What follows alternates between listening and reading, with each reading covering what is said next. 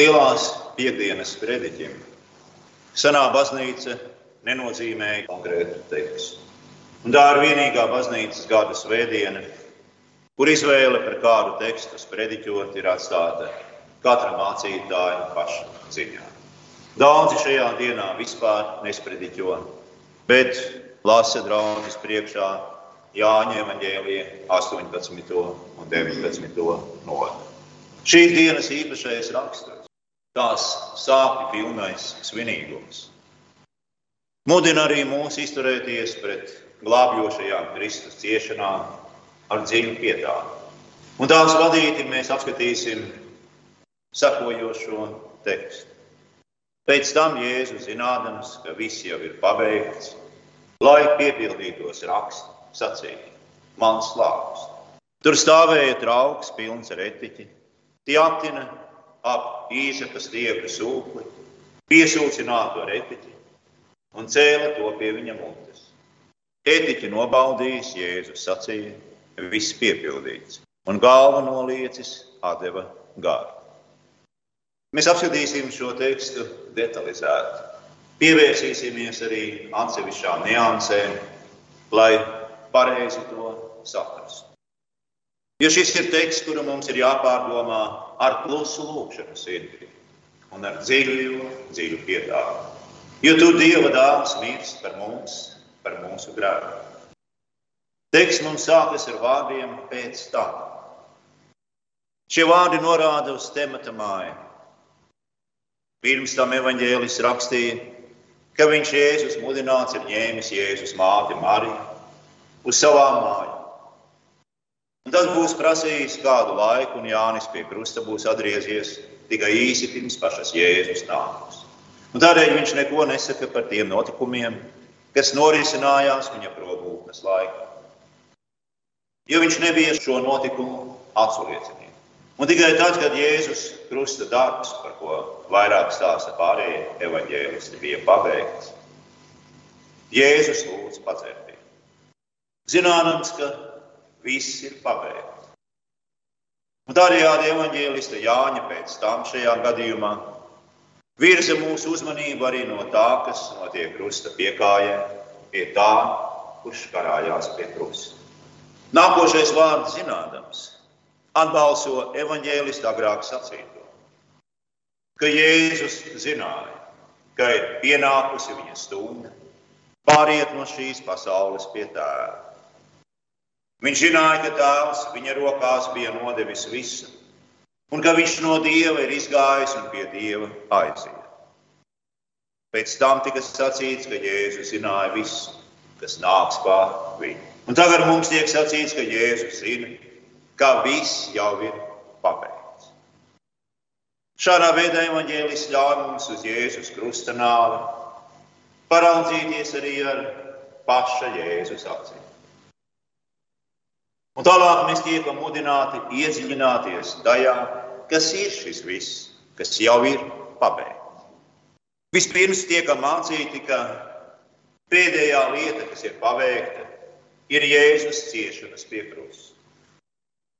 Otrreiz lietojot līdzīgu grieķu vārdu, mums tiek sacīts, ka viss rakstos sludinātais par Kristu ir sasniedzis savu mērķi, ticis īstenots, panākot veiksmīgu, ilga, liela, grandioza darba pilnīgu pabeigšanu.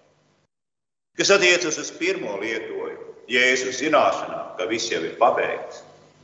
Tā vispirms ir apziņa, ka visa viņa līdzinējā darbība Tā darbība, kura noveda viņu pie krusta, viņa sludināšana, dziedināšana, ļauno garu izdzīšana, strīdi ar raksturmācītājiem un farizējiem, mācīšana, tagad ir pabeigta pēc tēva gribas, un viņa paša nāve ir ļoti tuvu.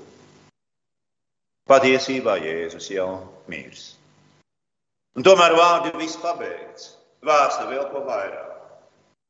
Proti, viss pabeigtais ir dieva glābšanas darbs. Kāds tas ir izklāstīts vecās derības raksturā.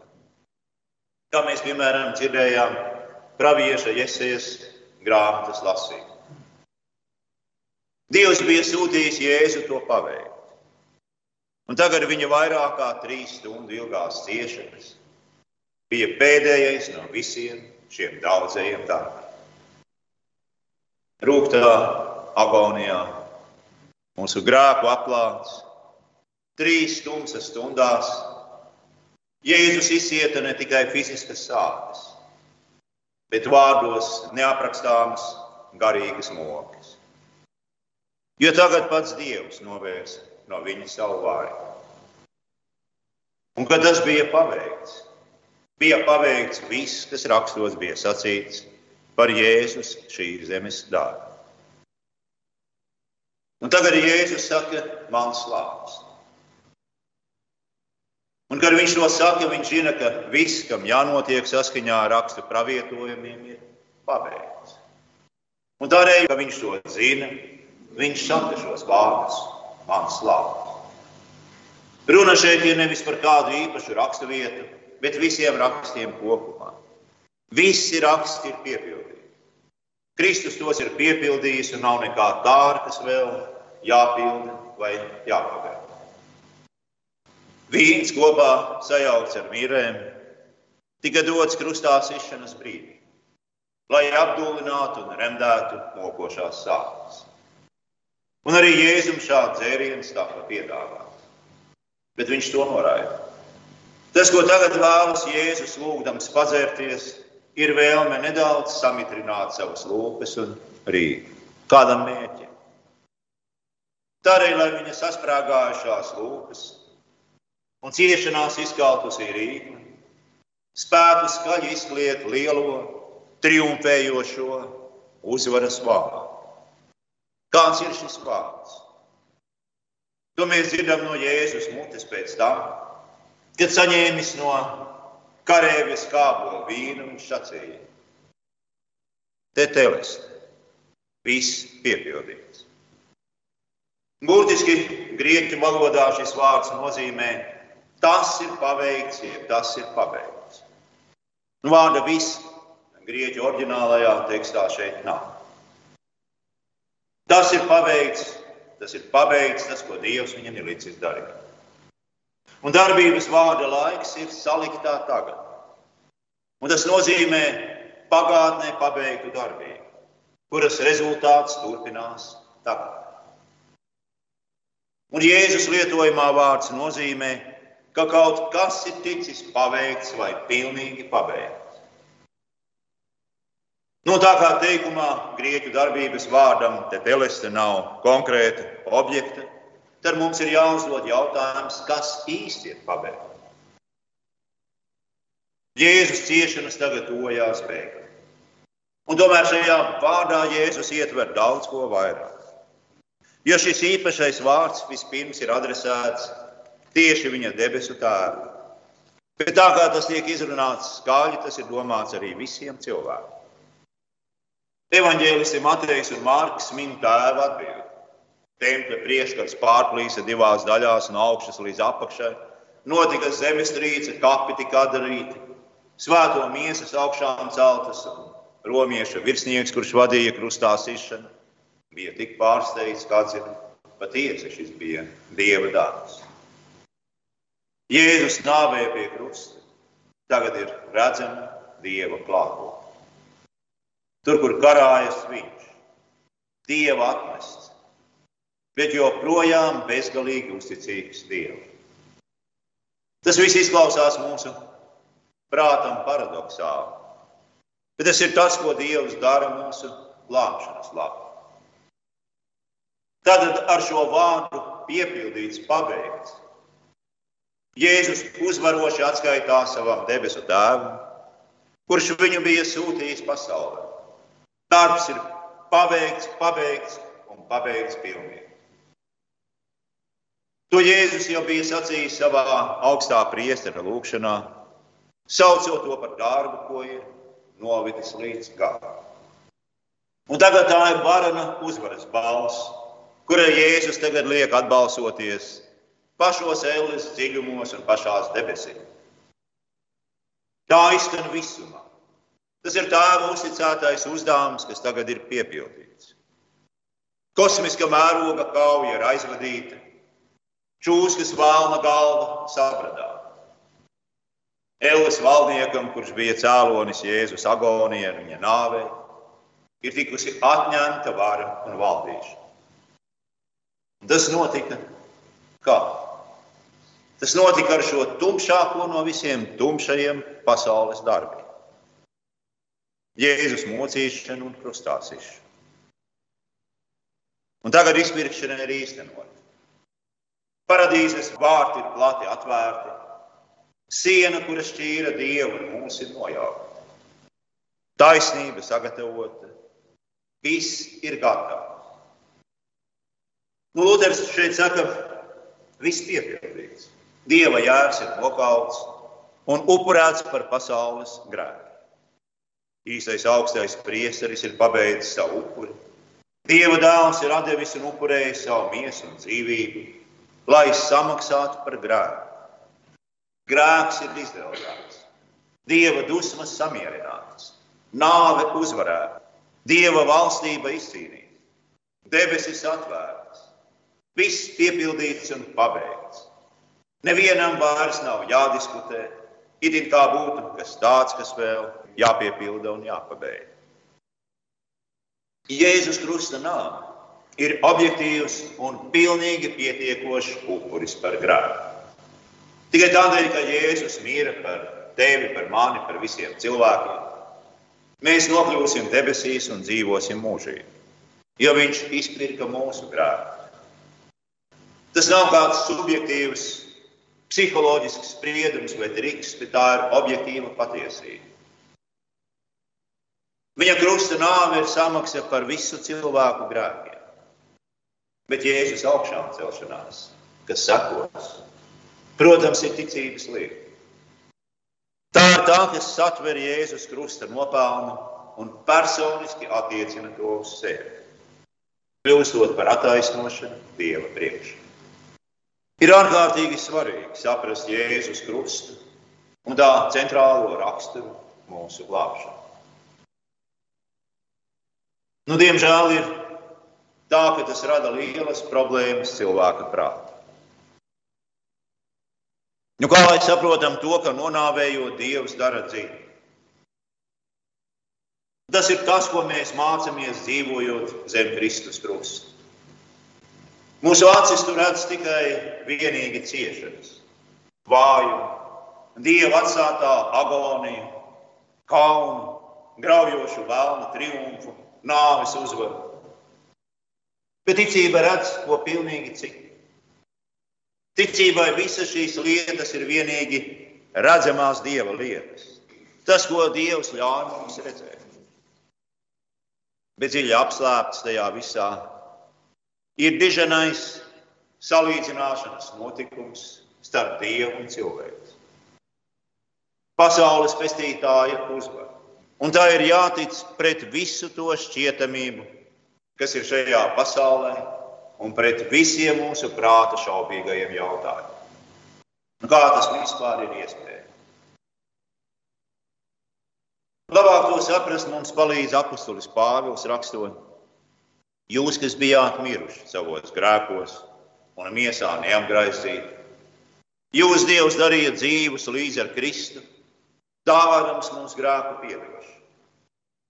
Dievs izdzēsa parādu rakstu ar tiem noteikumiem, kas bija vērsti pret mums, un to iznīcināja, pienagrodams pie krusta. Viņš atbruņoja visas valdīšanas un varas, un tās atklāti kaunā likdams, svinēja par tām uzvaru Kristu. Tātad Kristus pestīšanas darbs pie krusta ir pilnīgs. Tam nav vajadzīgs pievienot jaunas ciešanas. Un arī ticīgajiem nevajag papildināt Kristus pestīšanas darbu ar savām ciešanām. Lai gan šajā pasaulē mums nereti nākas ciest, mēs neesam mazohisti, kuri apzināti meklē ciešanas. Arī šajā ciešanu laikā mēs īpaši uzmanīgi pārdomājam nevis savas vai citu cilvēku, bet glābjošās Kristus ciešanas.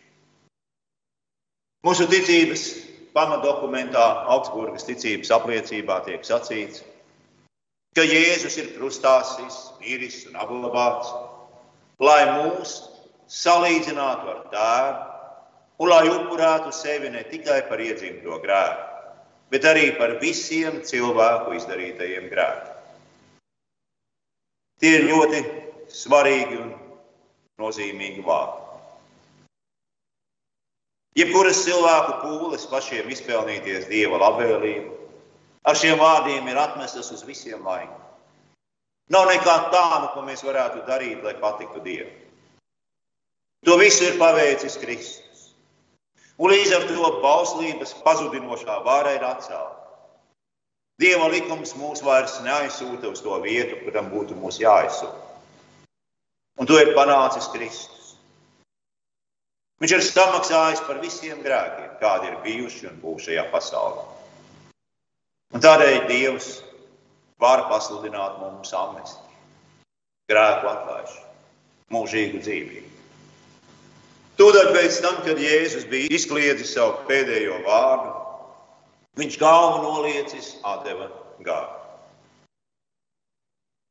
Nevaņģēlis Lūks šeit raksta, ka Jēzus izkliedzis pēdējos vārdus.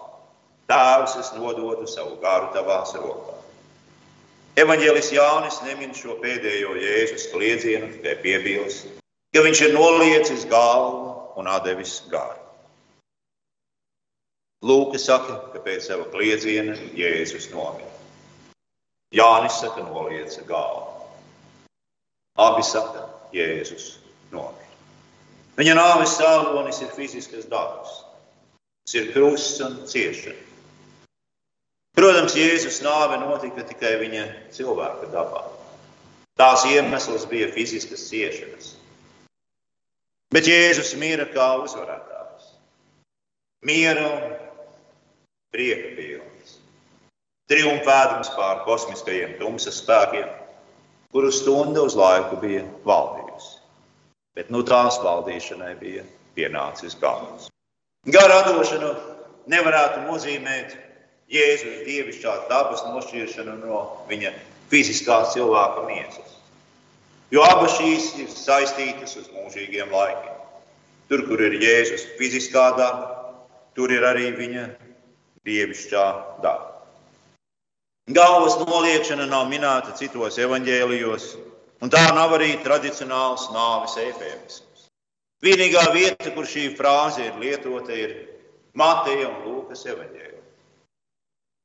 Un tur Jēzus saka, lapsām ir alas un debesu putniem līgzdas, bet cilvēka dēlam nav kur galvu nolikt.